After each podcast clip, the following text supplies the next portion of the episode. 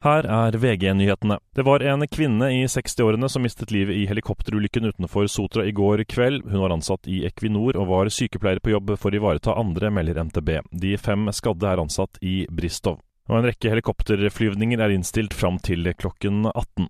En person omkom i en brann i Åsane i Bergen i dag tidlig. Politiet jobber med å få sikker identitet på den omkomne.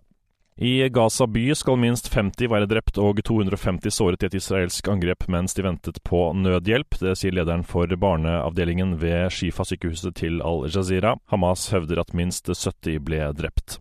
NRKs humorprogram Gauteshow fikk i dag ros av medlemmene i Kringkastingsrådet, til tross for klager om at det fremmer diskriminerende holdninger. Prosjektleder for Gauteshow, Åsa Marie Hole, redegjorde. Det er leit når noen opplever at Gauteshow har gitt skjellsord ny fart. Det er slett ikke intensjonen, og en tilbakemelding vi tar til oss. Jeg skjønner at eh, enkelte reagerer på vitsene i dette programmet. Eh, jeg er uenig. Sa rådsmedlem Lukman Wadud. I studio Andreas Hagen Haakonsen, nyhetene får du alltid på VG.